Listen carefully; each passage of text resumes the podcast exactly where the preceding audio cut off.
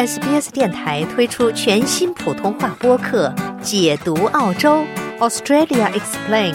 在这里，你可以轻松欢快的了解有关澳洲的有趣知识。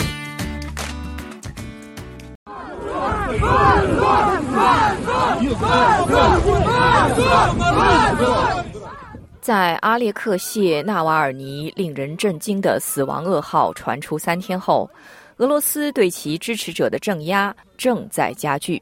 俄罗斯全国各地已有数百人被捕，鲜花被视为抗议政府的一种形式。这是其中的一位支持者。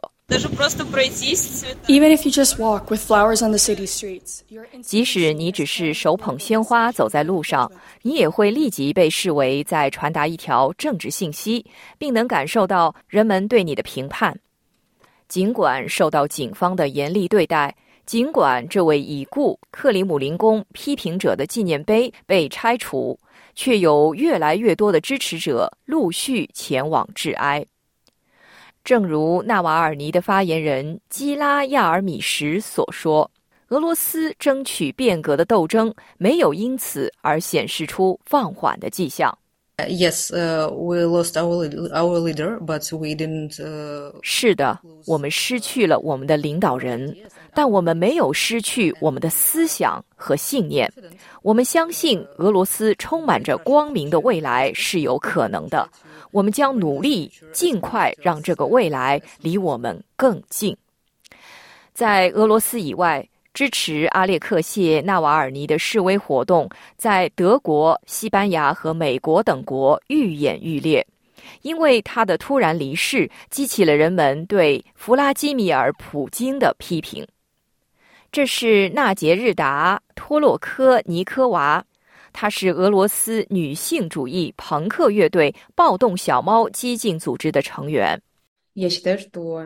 I think through protests we can live. 我认为，通过抗议，我们可以用一种更多产、更有效的方式来经历悲伤，无论是为了我们自己，还是为了政治局势。这是俄罗斯活动家彼得·库兹明，他说：“We will definitely not give up. This is.” What Alexei Navalny told us. 我们绝对不会放弃。这是阿列克谢·纳瓦尔尼在中毒康复时告诉我们的。如果他被谋杀，那将表明普京的弱点，而不是他的优点。所以，我们正在为下一阶段的斗争做好准备。未来几周，当俄罗斯进行选举时，这场斗争将会加剧。阿列克谢·纳瓦尔尼的支持者正准备于下月对俄罗斯总统进行聚众抗议。彼得·库明茨补充说：“There are over ninety thousand polling places all over Russia. There will be crowds of people 俄罗斯各地有超过九万个投票站，在莫斯科、圣彼得堡、俄罗斯的边远城市将会有人举行集会。”我们将向普京及其腐败政权传达一个信息，即有相当多的俄罗斯人不接受普京的统治。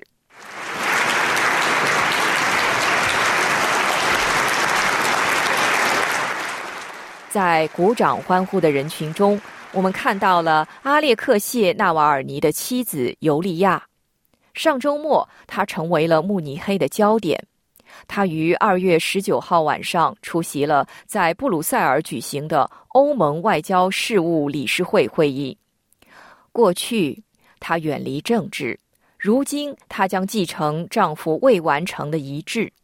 昨天，她晒出了一张自己和丈夫的合影，简单的配了一句：“我爱你。”想在 SBS 当一回影评人吗？SBS On Demand 正在推送配有中文字幕的热门影视作品，您只需观看一部或以上影视作品，并把影评观后感发给我们，就有机会赢得一份 SBS 精美礼品。